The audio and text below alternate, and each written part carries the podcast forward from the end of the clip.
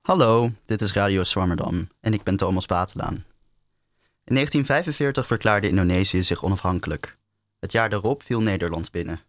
Tijdens de daaropvolgende Indonesische onafhankelijkheidsoorlog begingen de Nederlandse militairen massaal grensoverschrijdend gedrag. Dat bleek uit onderzoek van Remy Limpach. Zijn boek De brandende kampongs van generaal Spoor was de catalyst voor een grootschalig onderzoeksprogramma naar die periode, bekostigd door de staat. Onafhankelijkheid, dekolonisatie, geweld en oorlog in Indonesië 1945-1950. Dat is een mond vol. Aan tafel uh, dokter Remco Raben. Welkom, Remco. Ja.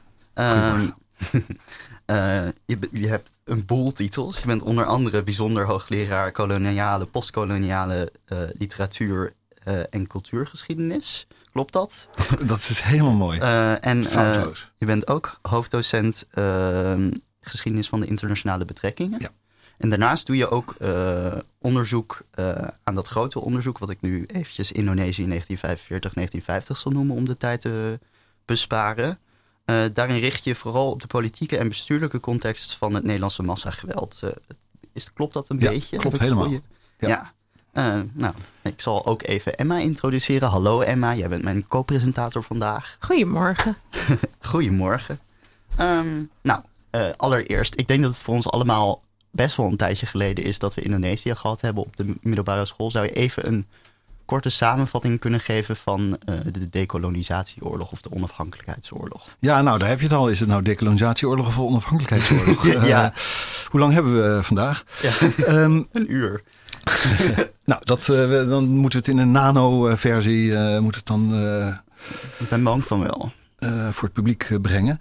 Um, uh, ja, moet ik eens even denken. Uh, waar, uh, waar hebben we het hier over? Ik, ik vind het trouwens vreemd dat je zegt, of opmerkelijk dat je zegt van ja, het is alweer lang geleden dat we Indonesië hebben gehad. Dus dat betekent daarmee zeg je eigenlijk van ja, het, die geschiedenis van Indonesië en van Nederland in Indonesië maakt eigenlijk geen deel uit van onze standaardkennis. Nee, dat klopt. Ik denk dat het, of tenminste, ik heb op de middelbare school Indonesië in één blok gehad.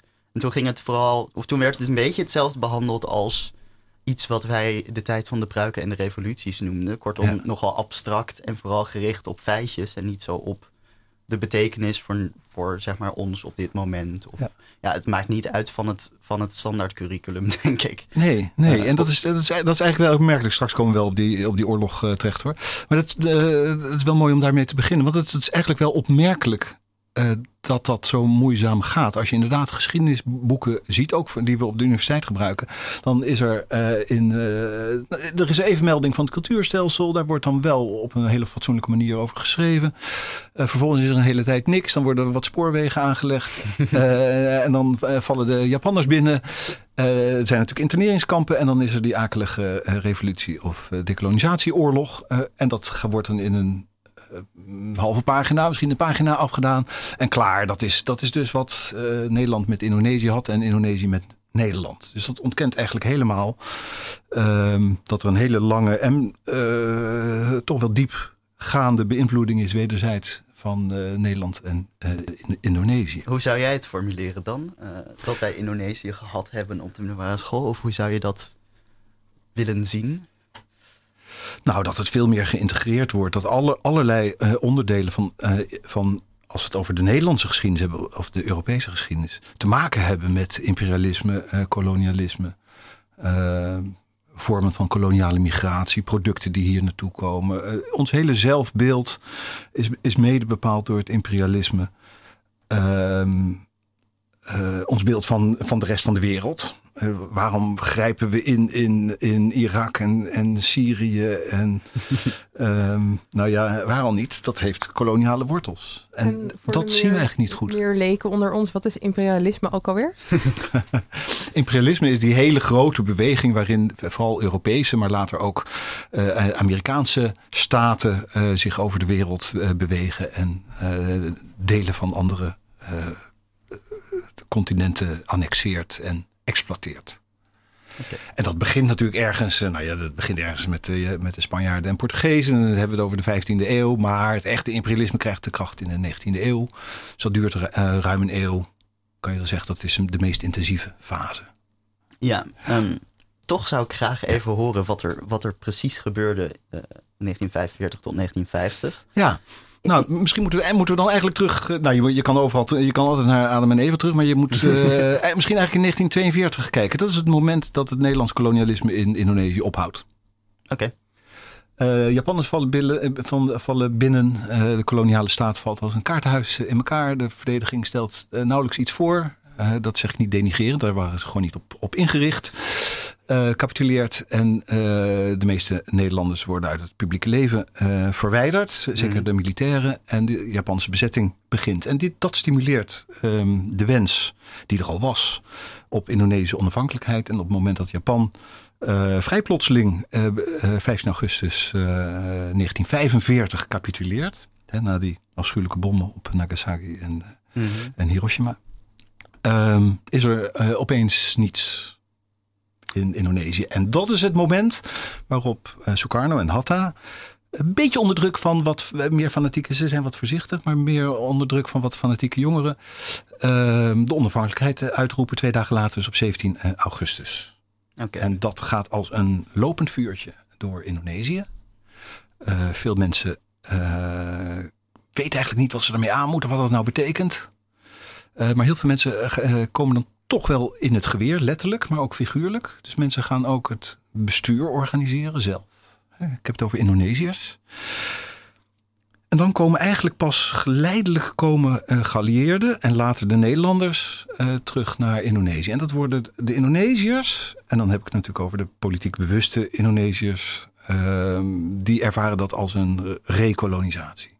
Die zien van ja, wij worden heroverd. Want Indonesië is eigenlijk al van ons. Dat hebben de Japanners ons beloofd. Dat hebben we onszelf eh, beloofd. Dat hebben we uitgeroepen. En nu zien we opeens de Engelsen, want die waren verantwoordelijk voor de capitulatie van Japan in eh, Nederlands-Indië, Indonesië. eh, zien we komen en vervolgens ook die Nederlandse militairen. En dat is natuurlijk het begin van een, strijd Ja. die vier jaar lang duurt. Ja, denk je dat dat, dat verhaal wat je nu vertelt ook in ons geschiedenisonderwijs eh, precies op die manier wordt verteld? Want je hebt het al over rekolonisatie. Dat is volgens mij niet wat ik op school heb geleerd. Ik heb op school vooral gehad over politionele acties en over eh, ja, de decolonisatieoorlog. Dus een oorlog die eigenlijk door de Indonesiërs is gevoerd tegen de Nederlanders. In plaats van andersom. Wat je nu Ja. vertelt is dat de Indonesiërs onafhankelijkheid uitriepen. En dat toen de Nederlands waren van, oh, eh, laten we dat maar weer terughalen, want Ja. dat is van ons. Nou ja, ik begrijp het ook wel vanuit eh, Nederlands perspectief. Maar dat Nederlands perspectief is natuurlijk ook het perspectief dat wij in de schoolboekjes eh, eh, voortdurend krijgen. Mhm. En wat nou zo interessant is, ook aan het onderzoek waar ik nu aan, aan meedoe, is dat je ook eigenlijk gedwongen bent om ook heel erg sterk vanuit Indonesische perspectieven, want er is natuurlijk geen eenduidig perspectief, Mhm. na te denken. En dan beginnen termen ook opeens van hun wortels te raken, want eh, we hebben het over dekolonisatie. Ja, wacht eventjes, zeggen Indonesiërs. Eh, wij waren al onafhankelijk, dus Ja. wat moest er nou gedekoloniseerd worden? Nederland moest dekoloniseren, want die moest dat, dat loslaten. Mhm. Die moest die kolonie loslaten. Maar wij eh, strijden voor onze eh, onafhankelijkheid. Nou ja, dat is dus niet om te ontkennen dat eh, de Nederlanders eh, een foute term gebruikten. Dat deden ze natuurlijk wel vanuit Indo Indonesisch perspectief en ook vanuit mijn perspectief. Maar je moet het ook begrijpelijk maken dat de Nederlanders dachten van dat is nog van ons. Dus dat gaan wij eh, nog wel even bezetten. Dus wat je in je onderzoek, of je onderzoek, in het grote onderzoek waar jij een van de medewerkers bent, eh, probeert te duiden, is, is vooral het Nederlands, het Nederlands-Indische perspectief eigenlijk. Hoe, hoe ervoeren de Nederlanders dat? Of is dat een beetje te kort door de bocht? We hebben het over, over mijn deelonderzoek hè? Ja. of over het gehele onderzoek. Want Eigenlijk is- over jouw deelonderzoek Ja, zou ik zeggen, want daar Ja. kan, je, kan je denk ik het meest over zeggen. Ehm, Waar gaat het gehele onderzoek el- over? het is het onderzoek naar het geweld eh, in de oorlog eh, in Indonesië eh, in 45 49. Door beide kanten of door Nederlanders Ja. of door de nou, dat is, ehm, dat is een, zoals Den Uyl noemde, een heikel punt. Ehm, het is eigenlijk een soort van voortzetting op wat er in 69, ne- eh, 1969, 1970 is gebeurd. Joop Huting kwam toen Mhm. op tv bij Achter het Nieuws en zei van Nederland heeft oorlogsmisdaden begaan. Nou, Ja. dat, was een, dat ging als een schok door Nederland. Eh, daar is eh, vervolgens eh, heeft de regering daar onderzoek naar verorden, verordoneerd. Dat is terechtgekomen in de excessennota die even later Mhm. werd gepresenteerd. Waarin de, zo werd het genoemd, excessen op een rijtje eh, werden eh, gezet. En eigenlijk is dit, eh, en daarna werd het zo goed als stil. Ja. En eigenlijk is dit onderzoek een soort van voortzetting op wat er toen is gedaan. Wij moeten toch eigenlijk rekenschap afleggen, historisch, van het enorme geweld dat er in, die, in die jaren plaatsvond. En dat houdt natuurlijk eigenlijk een Nederlands-centrisch perspectief in. Mhm. Zo is het ook voorgesteld eh, aan de regering, want de regering financiert dit. Het is geen regeringsopdracht, maar de regering financiert het. En ehm, daar zie je toch ook wel in dat dat Nederlandse perspectief domineert. Ook het, de eigen schuld, ook al is het in het negatieve, ook al gaat het over de eigen, eh, de eigen schuld. Eh, maar toch gaat het om Nederland. Het is een soort van rekenschap afleggen. ja. Maar, zeggen historici, je kan dat niet doen zonder Indonesië in beeld te krijgen. En door eh, Indonesiërs in beeld te krijgen. Het, het, het speelt zich af in Indonesië. Ja. Ehm, er waren een paar honderdduizend Nederlanders, Europeanen. eh, maar er waren 70 miljoen Indonesiërs. Dus eh, het- dat perspectief dat moet er toch wel in. Nou, je merkt dat dat toch een beetje wringt in dat, in dat hele onderzoek. Eh, je ziet het in de, in de thematiek. Het gaat erg over het eigen geweld. Het Nederlandse geweld. eh, maar bijvoorbeeld niet heel erg sterk eh, op het Indonesische geweld. Dus Ja. dat wordt wel een beetje meegenomen. Maar, niet, eh, maar dat is niet de kern van waar het onderzoek om gaat. ja, het gaat vooral om het soort van... Ja, verantwoorden is misschien een verkeerd woord. Maar het, het verklaren van Nederlandse attitude tegenover de Indonesische onafhankelijkheid. Om het maar heel erg... Ja, proberen waarom, waarom kon het zo? Want dat vinden we nu. Eh, dat vond men toen trouwens ook. Waarom liep het zo uit de hand? ja. Waarom zijn er zoveel slachtoffers gevallen? Waarom zijn er zoveel burgerslachtoffers gevallen? Waarom waren Nederlanders zo gewelddadig in die oorlog? En dat is de grote vraag die, daar, die daarachter ligt. En, En- wat, en wat ik doe, Mhm. dat wou je vragen. Nee, ik wilde eigenlijk vragen hoe, het, hoe dat kwam. Je stelt nu de vraag heel goed, maar zijn er, of tenminste, kun je daarop speculeren? Ik bedoel, je bent nu deel van een lopend onderzoek, dus ik denk niet Ja. dat je er echt uitsluitsel over kunt geven. Maar het lijkt me toch interessant om er even op in te gaan wat de mogelijke redenen zijn dat het zou gebe- kunnen gebeuren. Ja, ehm, het is in de eerste plaats een koloniale oorlog. En koloniale oorlogen zijn bijna per definitie buitengewoon vuil. Hmm.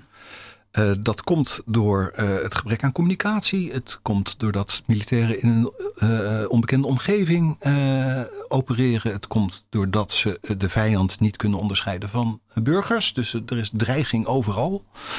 Ehm, er zit natuurlijk een forse dosis racisme in. Hè. Een, een Indonesisch mensenleven is gewoon minder waard dan een Nederlands mensenleven. Ehm, dus dat is, en er, er is nog wel meer over te zeggen, maar dat is eh, in, in de kern dus het conflict waar we eh, naar eh, kijken. Daarnaast zie je bij Nederland eigenlijk een soort van, wat ik noem, een ethische pacificatiereflex.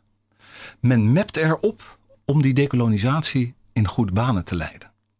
Dus eerst orde, dat is natuurlijk ook eigenlijk een koloniale reflex. Ja?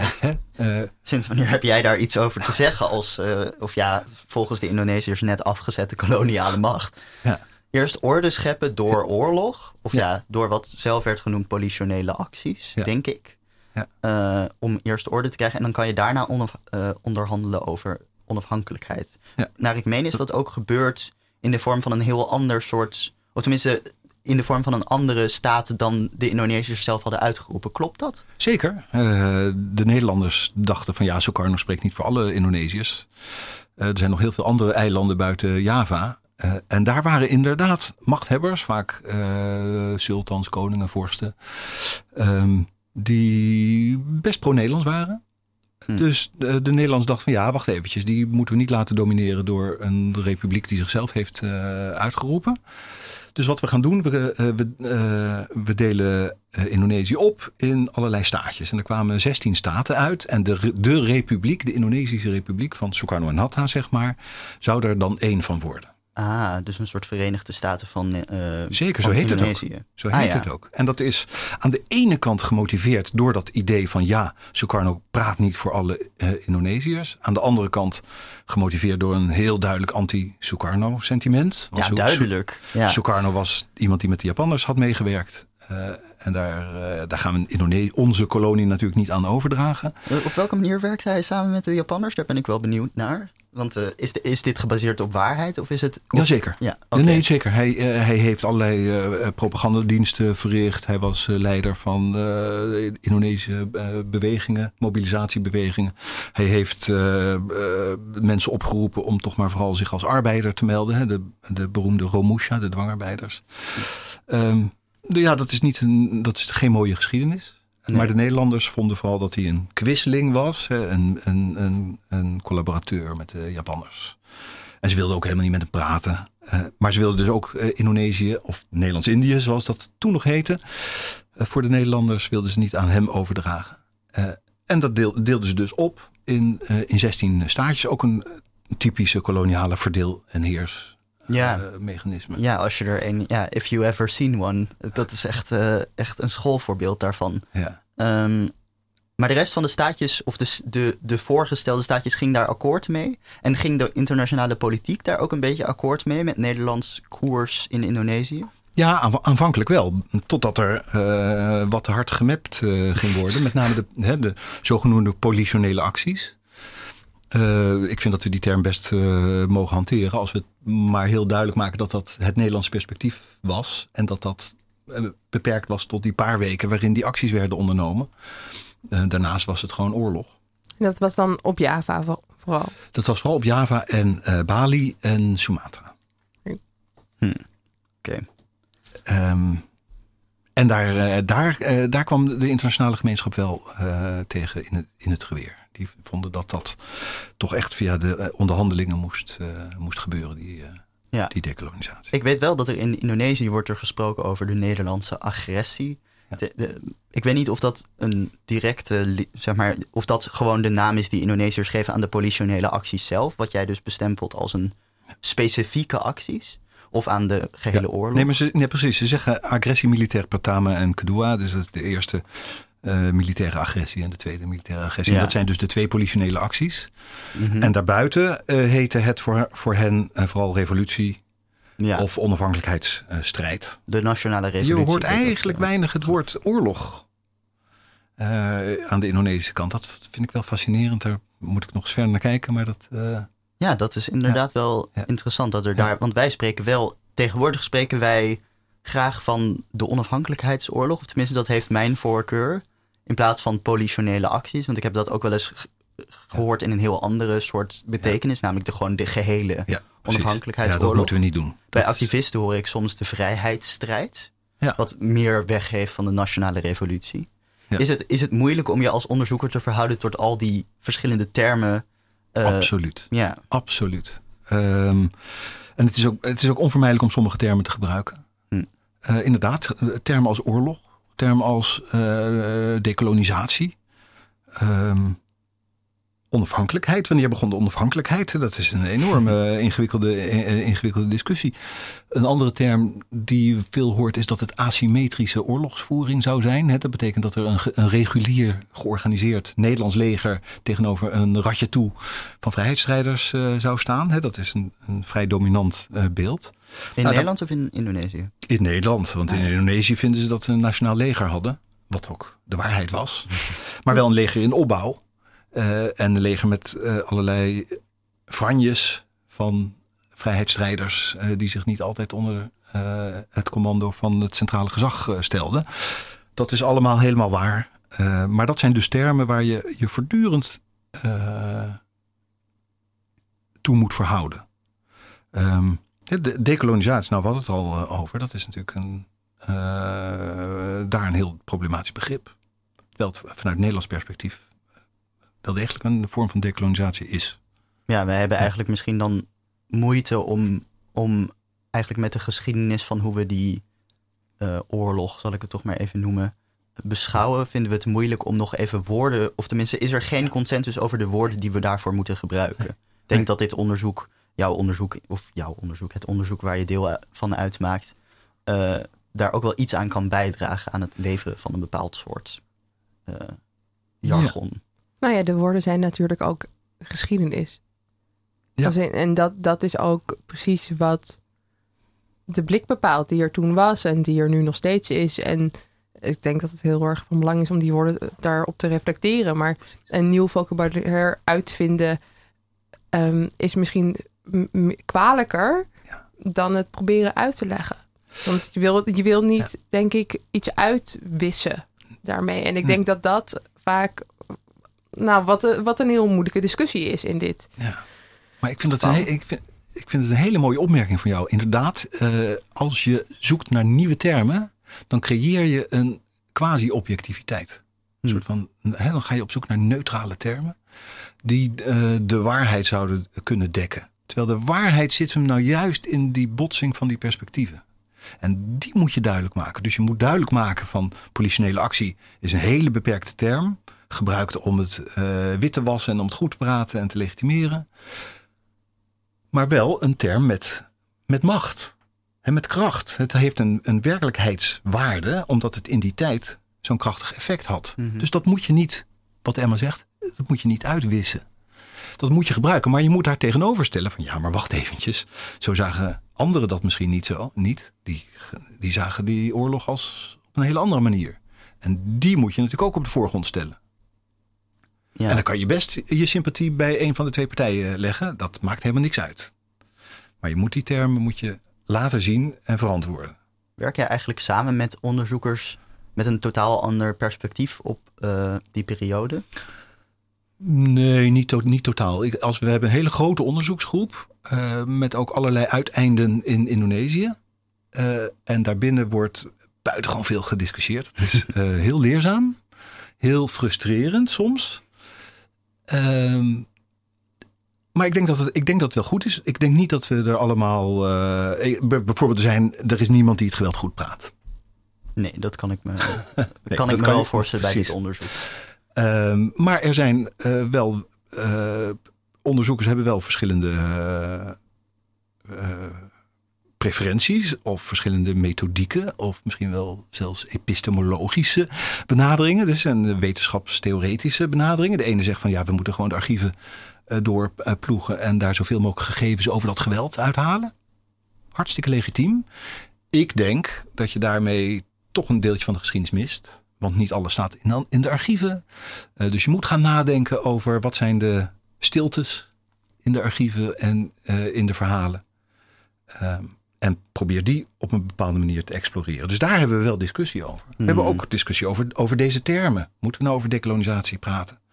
Uh, de, de titel van het programma is uh, een jaar geleden veranderd. Daar is het woord onafhankelijkheids, uh, onafhankelijkheid in opgenomen. Dat stond hmm. er aanvankelijk niet in. Oh, wat nou ja. leuk dat, dat, dat er zo'n heftige discussie is dat de titel van een onderzoek veranderd wordt. Dat, dat, ja, men, ja. men voelde toch uh, het was een beetje in de tijd dat ik me daarbij aansloot. Uh, het kwam niet door mij hoor. Uh, ik wil die eer zeker niet, niet naar me toe trekken. Integendeel, nee, dat was zo van ja, nee, dat hebben, dat hebben we toch een beetje over het hoofd gezien. dat, dit, dat het niet decolonisatie was, maar dat het aan, aan de Indonesische kant toch meer het onafhankelijkheidsperspectief dominant ja. is. Hoe ga jij te werk in je deelonderzoek? Want je zegt dat je al niet alles in, in de archieven kunt vinden. Ga je dan op zoek naar uh, maatschappelijk discours of hoe, hoe doe je onderzoek naar iets wat je niet in een archief vindt? Ja, dat is eh, door dat te benoemen. Ah. Um, kijk, wat ik doe dat samen met Peter Romein, uh, collega van het Nederlands Instituut voor Oorlogsdocumentatie. Uh, en wij bekijken de, de bestuurlijke, beetje beetje een jargonachtig bestuurlijk politieke context uh, van, uh, van, dat, van dat geweld. Dus we kijken niet naar het geweld zelf, maar we kijken naar hoe het bestuur en de politiek daarmee omging. Nou, nu hebben we de, de wereld uh, verdeeld. Peter Romein doet Nederland, ik doe Indonesië. en ehm, En dan gaan we kijken hoe het bestuur dus met de informatie over het geweld omgaat.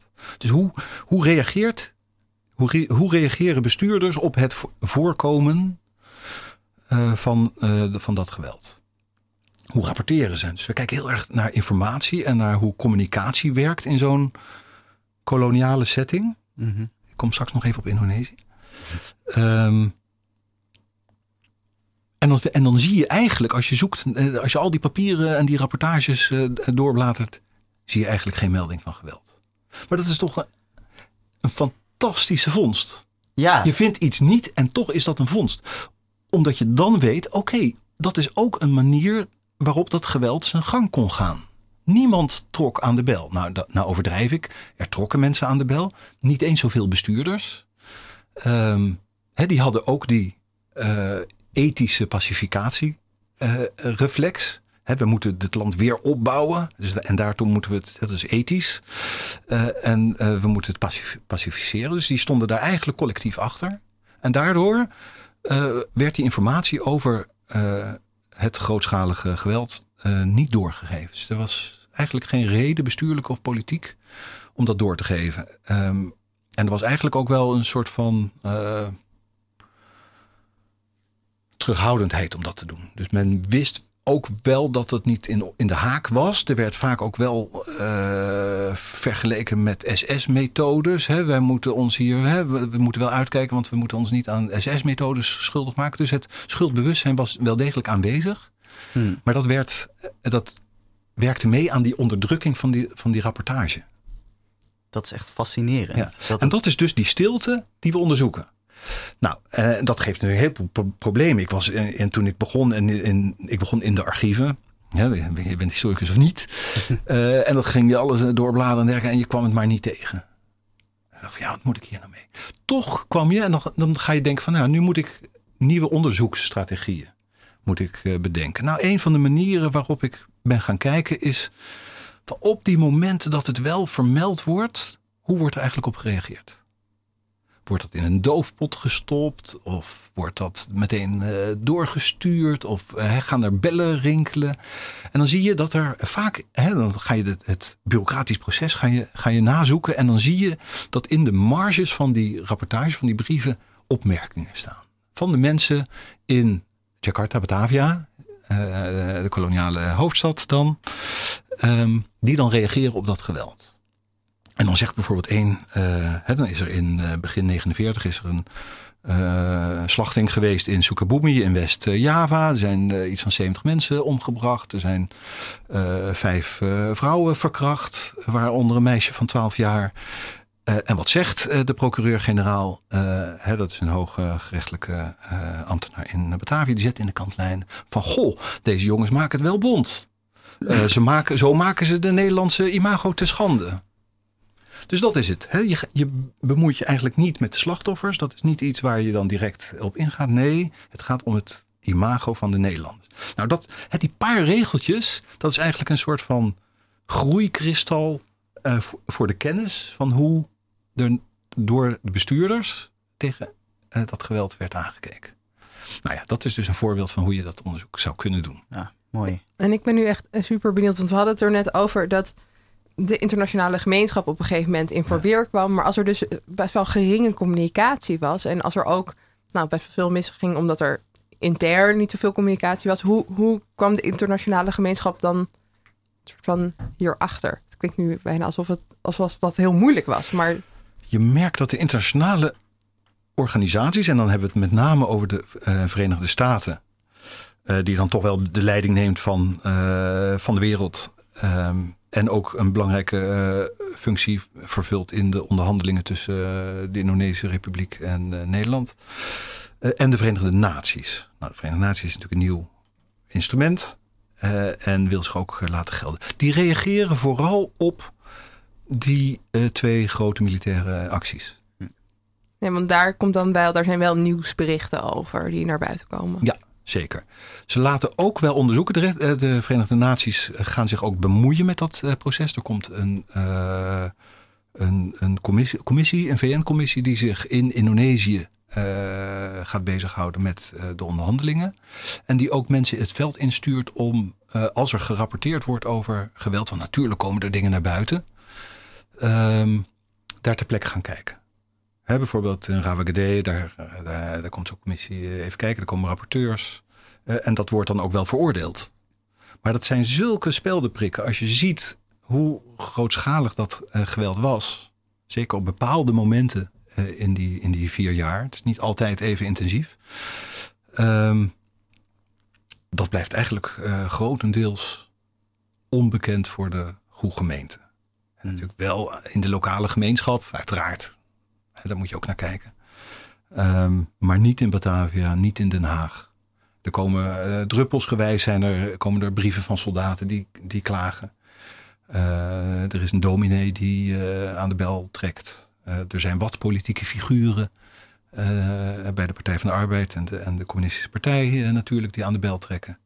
Maar eigenlijk zie je dat die hele, het hele Nederlandse cohort, zowel in Indonesië als in Nederland, zich als het ware een, een soort van distantie van dat geweld creëert. Dat is, dat is, we weten dat het er is en, en ze wisten het, misschien niet precies de omvang, maar wel dat het er was. Maar dat moeten we niet bespreken, want alles moet ondergeschikt gemaakt worden aan die decolonisatie. Hmm. Was er onder het volk meer discussie? Of was er, of het volk is een moeilijk concept, maar was er onder niet-bestuurders en niet, niet direct verantwoordelijke meer discussie over het handelen van de Nederlandse staat? Of was dat bemoeilijkt doordat er zo weinig naar buiten kwam? Het grootste deel uh, van de Nederlandse bevolking, voor zover we dat uh, kunnen peilen natuurlijk. Maar er zijn NIPO-peilingen geweest. Hè. Uh, het is het peilingbureau.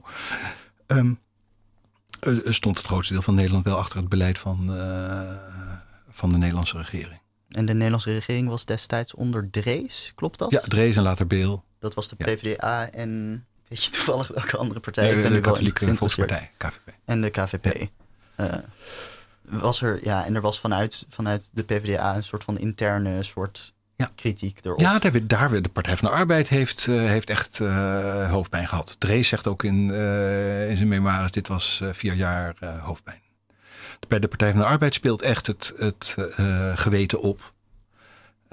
omdat ze in feite voor de, de decolonisatie of de onafhankelijkheid waren.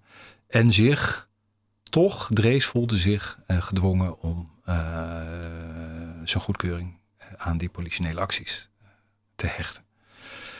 En dat heeft binnen de partij tot enorm veel discussie geleid. Ja. mensen als Goedhart, maar ook in de journalistiek, de linkse journalistiek, iemand als Henk van Randwijk, hoofdredacteur van Vrij Nederland. Dat waren wel hele actieve figuren die zeiden van ja jongens, wij doen het echt helemaal mis in Indonesië.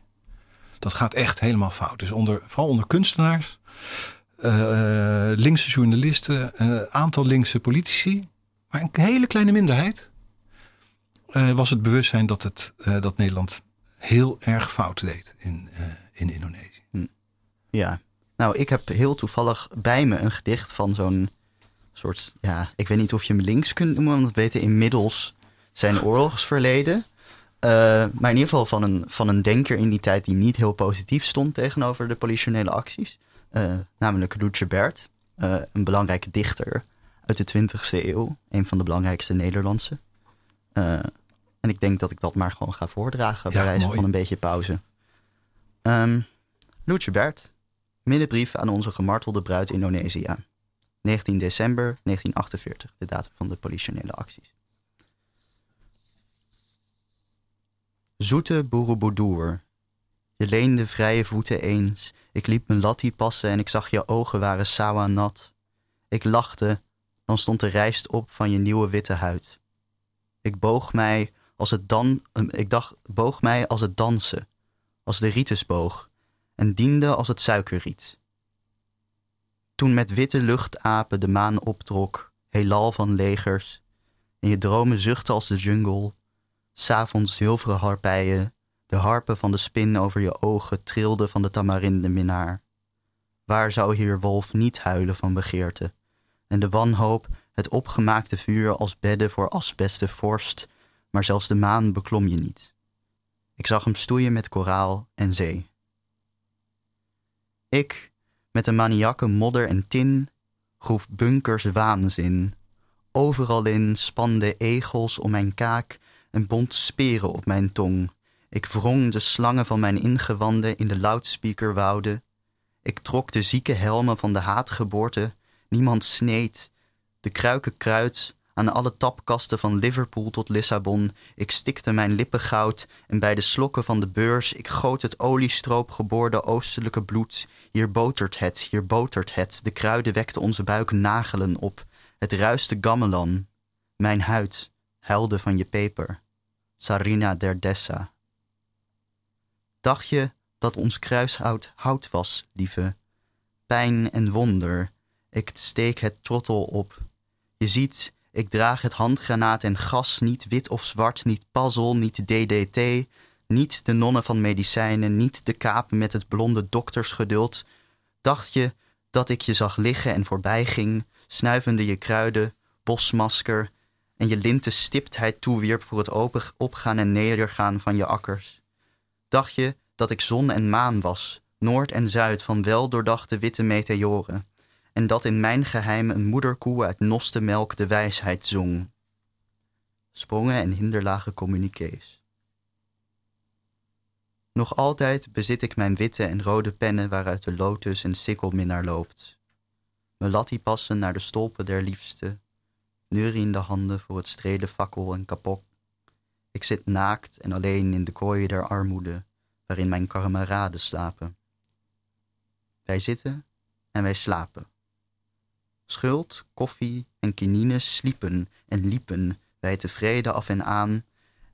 Wij zitten en wij slapen de slaapnutsen acht uren werkdag.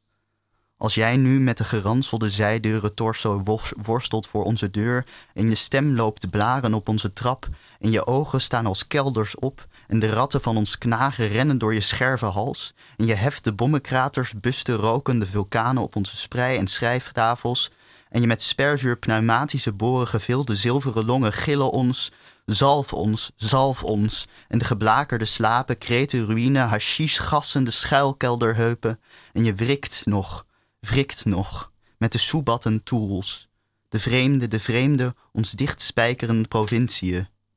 Zullen wij zwijgen? Doen wij onze kade wennen, battle dress boetseren onze tong. Ik ben vol van de karkassen honger en dorst. En men strijkt mij met de kraaien op. Men heeft mij hol gemaakt met het blazen nieuwsblad en journaal. Zie, ik tel de wind van mijn slechte huizen. Niets is goedkoper dan als zaagsel te sterven. Ik wilde geslagen liggen als het grind naast mijn verdorde voeten.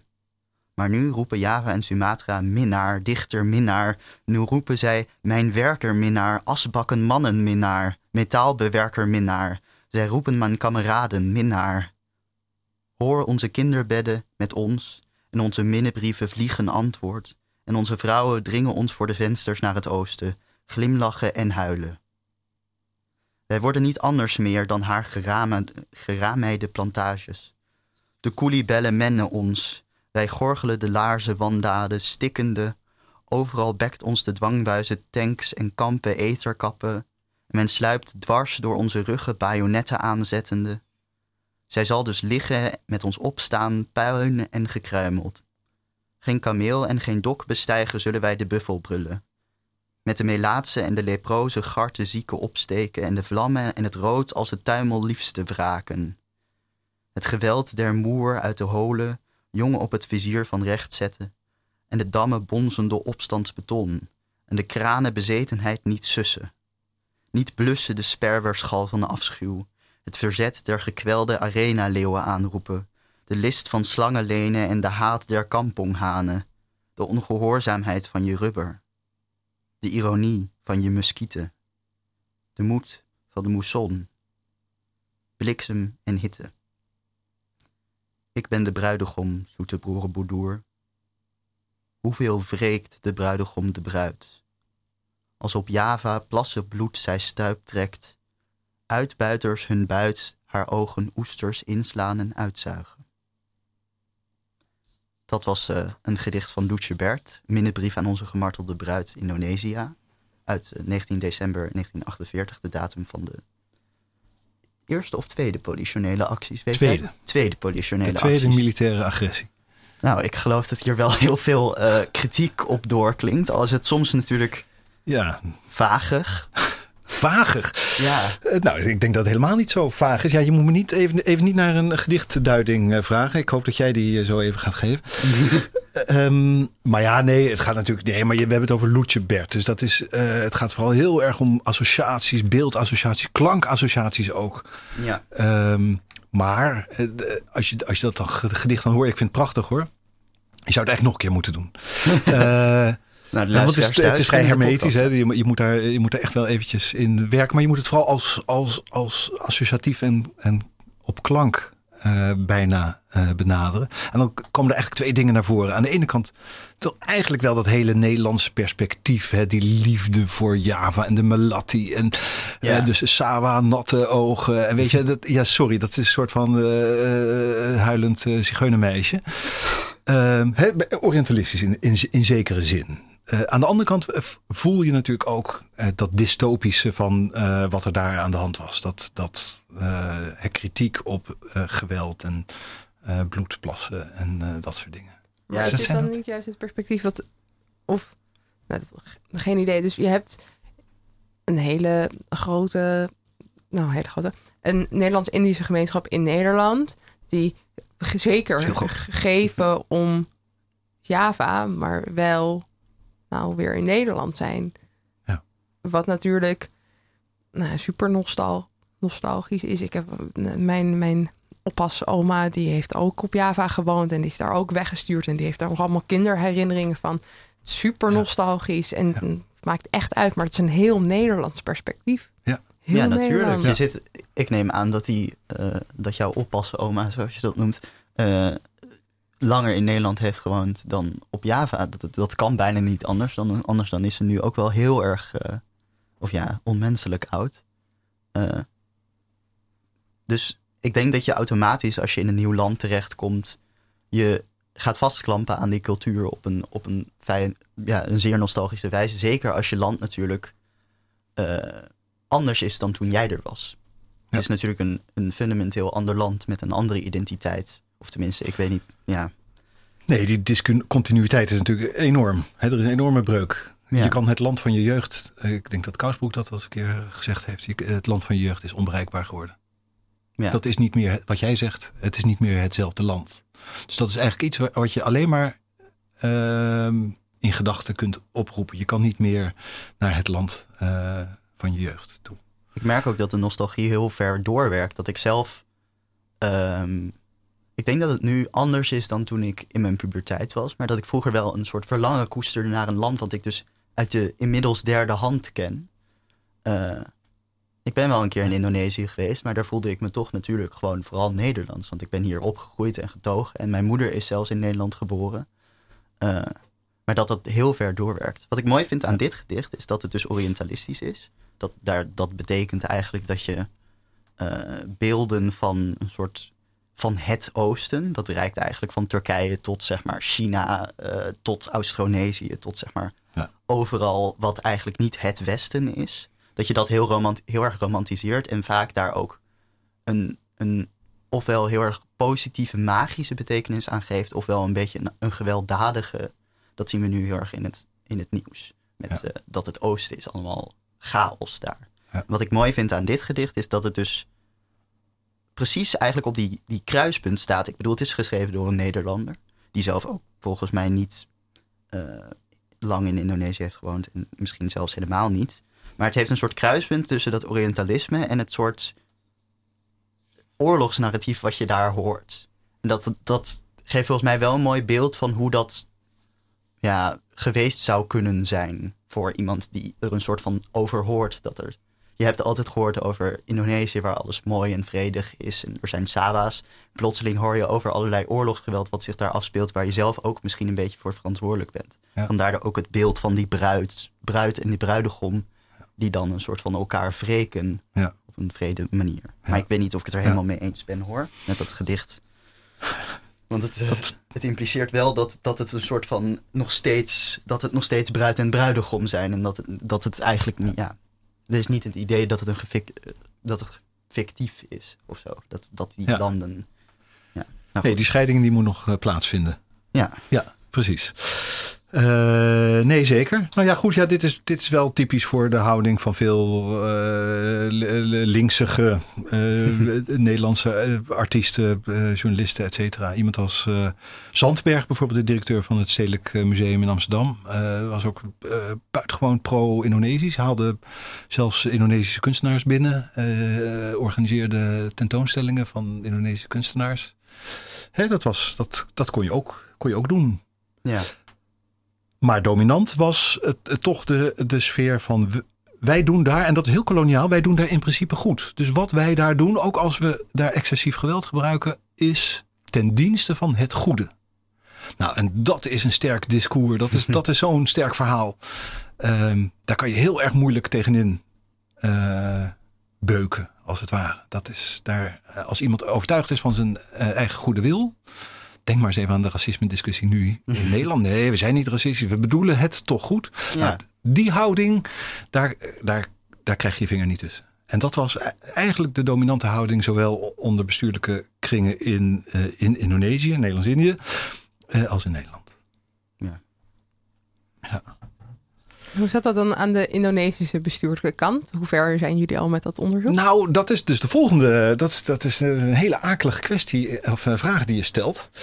Um, want er zit natuurlijk een soort van magneetwerking uh, in dit hele onderzoek om vooral naar die Nederlanders te kijken. Hoe slecht waren ze? Hoe dom waren ze? Hoe onwetend waren ze? Um, inderdaad, dat kan je onderzoeken. Dat zijn we ook aan het doen. Maar het gaat natuurlijk om Indonesië. Waar zijn de Indonesische slachtoffers? Waar zijn de Indonesische burgers? Het ging toch, ook die goede bedoelingen gingen toch in wezen om de Indonesiërs.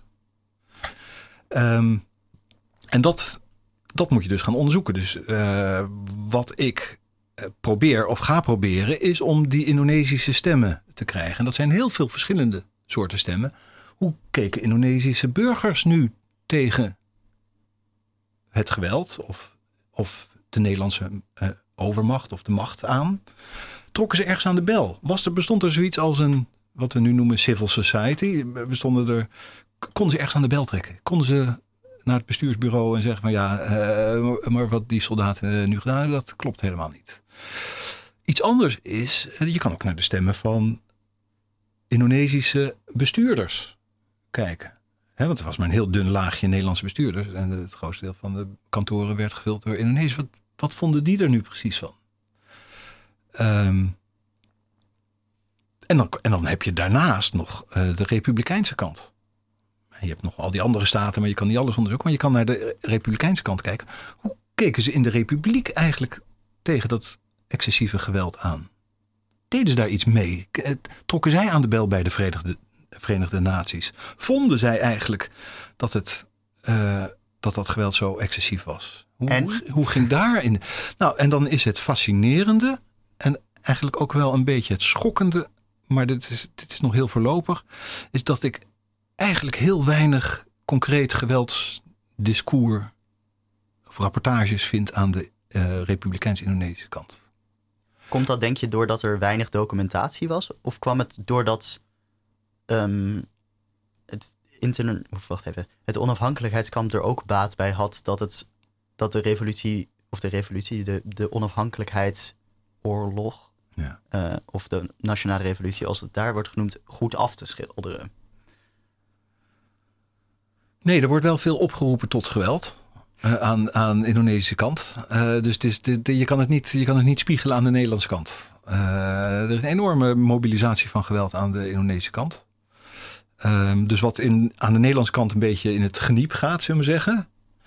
Uh, aan de randen van, de, van het operationele veld, bij de patrouilles, daar, daar, daar zit het grote geweld uh, bij Nederland. Is het aan de republikeinse kant heel erg sterk van verzetje tegen deze rekolonisatie.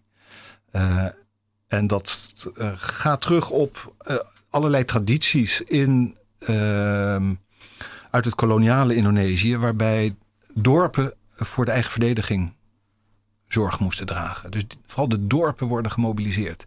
Als de Nederlanders er aankomen, zorg dan dat je, nou ja, goed. En Hè, dat je alles affikt en dat je ja. versperringen werkt nooit mee. Ehm, hè, dat soort propaganda zie je, zie je heel veel. Maar er wordt eigenlijk niet op grote systematische schaal bijgehouden wat die Nederlanders allemaal deden. Maar er wordt ook niet bijgehouden wat de Indonesiërs allemaal zelf deden. Want er is natuurlijk geweld aan beide kanten. Dus dan is het een soort noodzakelijk kwaad aan alle twee kanten. Ja. ja, dat heb ik ook wel gehoord van meer activistische, uh, of ja, activisten die uh, zorgen hebben over het onderzoek. Om het zachtjes uit te drukken, dat ze vinden dat, um, ja, dat, dat het omdat het een rekolonisatieoorlog is vanuit het Indonesische perspectief, dat, dat de Indonesiërs zichzelf op elke manier mogelijk mochten verdedigen, omdat er een invasie was. Um, en dat er dus. Dat, er dus, dat, dus een, ja, dat het Indonesische geweld op een bepaalde manier legitiemer is dan het, dan het Nederlandse geweld. Uh, waar ik het denk ik deels mee eens ben, maar niet helemaal. Hoe kijk jij? Ik kan, daar, ik kan er heel erg goed uh, in komen. Ik vind, ik vind ook. Um, ja, geschiedenis is een morele wetenschap. Hè? Uh, dat, dat kan je niet neutraal. Dus je moet ergens. Je moet het wel begrijpen. Je moet geschiedenis verklaren. Dat is dus e-, eigenlijk wel de eerste taak. Maar daarbinnen kan, ontkom je er niet aan om toch oordelen uh, te vellen. En als je dan uh, goed kijkt, dan is het bijna onvermijdelijk om inderdaad te zeggen van ja. Natuurlijk is er veel Indonesisch geweld geweest. maar onze sympathie en het recht staat toch echt aan, die, aan de kant van die onafhankelijkheidsstrijd. Nu is het wel ingewikkeld als ik een uitspraak over het recht doe, want daar ga ik helemaal niet over. Ik kan dat, ik kan dat als historicus zeggen. En ik kan zelfs de staat oproepen om te erkennen dat dat recht aan de Indonesische kant stond. Um, maar dat zijn wel twee verschillende dingen. Um, ik wil ook niet ontkennen dat er echt afschuwelijk geweld is gebruikt aan de Indonesische kant. En dat ik op geen enkele manier kan goed praten. Uh, daar, er zijn buitengewoon sadistische dingen gebeurd. En dat kan je niet onder het tapijt vegen en zeggen van nou ja, dat was dat was nu eenmaal zo. Um, of dat was het, het goed recht van de Indonesiërs. Ja, de strijd, uh, denk ik, was uh, hun goede recht. Maar ook aan, aan die kant zijn natuurlijk vreselijke dingen gebeurd. Ja. ja ik... Maar dat mag je niet uitruilen. Ik vind niet dat je moet zeggen van ja, maar daardoor konden, moesten de Nederlanders dat ook doen. Of uh, dat hoor je heel veel. Van bijvoorbeeld het geweld aan het begin van de revolutie, de, de zogenaamde uh, Bersiap. Uh, dat was een tijd waarin het gezag nog niet zo sterk was. En dat er vooral veel losse uh, bendes opereerden of, of, groepen strijders opereerden die uh, behoorlijk veel geweld hebben gepleegd en veel Nederlanders ook hebben omgebracht. Um, en er wordt gezegd van ja, en, en, en, daardoor moesten de Nederlanders wel zo gewelddadig opereren. Ja, nee, dat, dat gaat er bij mij niet in. Dat, nee, dat hoeft helemaal niet. Dus je mag dat nooit uitruilen. Maar je moet het geweld aan beide kanten moet je wel in de ogen kunnen kijken. Dat begrijp ik. We zitten een beetje aan onze tijd, ben ik bang. Uh, maar toch nog even een laatste korte vraag. Wat, wat hoop je dat, er, dat, dat, een, dat de staat doet met je onderzoek? Als je dat heel kort zou kunnen ik heb, ik heb weinig illusies over wat de staat hiermee doet. Die wil uh, eigenlijk weten, uh, ja, het is een soort van afhechting. Die wil weten wie zijn schuldigen en hoeveel slachtoffers zijn er gevallen. Punt. Klaar, streep eronder. Wat ik verder hoop dat er mee gedaan wordt, is dat we beseffen dat deze geschiedenis op geen enkele manier simpel kan zijn. En dat, er, dat juist die verschillende perspectieven tot meer inzicht moeten leiden. Dus ik zie eigenlijk meer hoop voor onderwijzers en het, en het curriculum dan dat we daar politiek nu heel erg veel mee doen. Stiekem hoop ik natuurlijk dat de Nederlandse staat zegt. Oké, die onafhankelijkheid die was inderdaad 17 augustus 1945. Um, maar daar zit een prijskaartje aan en dat gaat de staat niet betalen. Nee, dat begrijp ik. Dankjewel Remco. Ik vond het een heel verlichtende discussie. Graag gedaan. Um, verder bedankt Emma van Venen, mijn uh, zeer goed geïnformeerde co-presentator. Graag gedaan. Uh, wil je deze aflevering of andere afleveringen terugluisteren? Dat kan op onze website radioswammerdam.nl en natuurlijk vind je ons ook in je podcast-app. Wil je reageren op deze uitzending, dan kan dat via Facebook, Twitter of mail. Ons adres is redactie.radioswammerdam.nl Volgende week zit Josta op deze stoel. Mijn naam is Thomas Batelaan. Je luistert naar Radio Swammerdam. Voor nu nog een hele fijne zondag.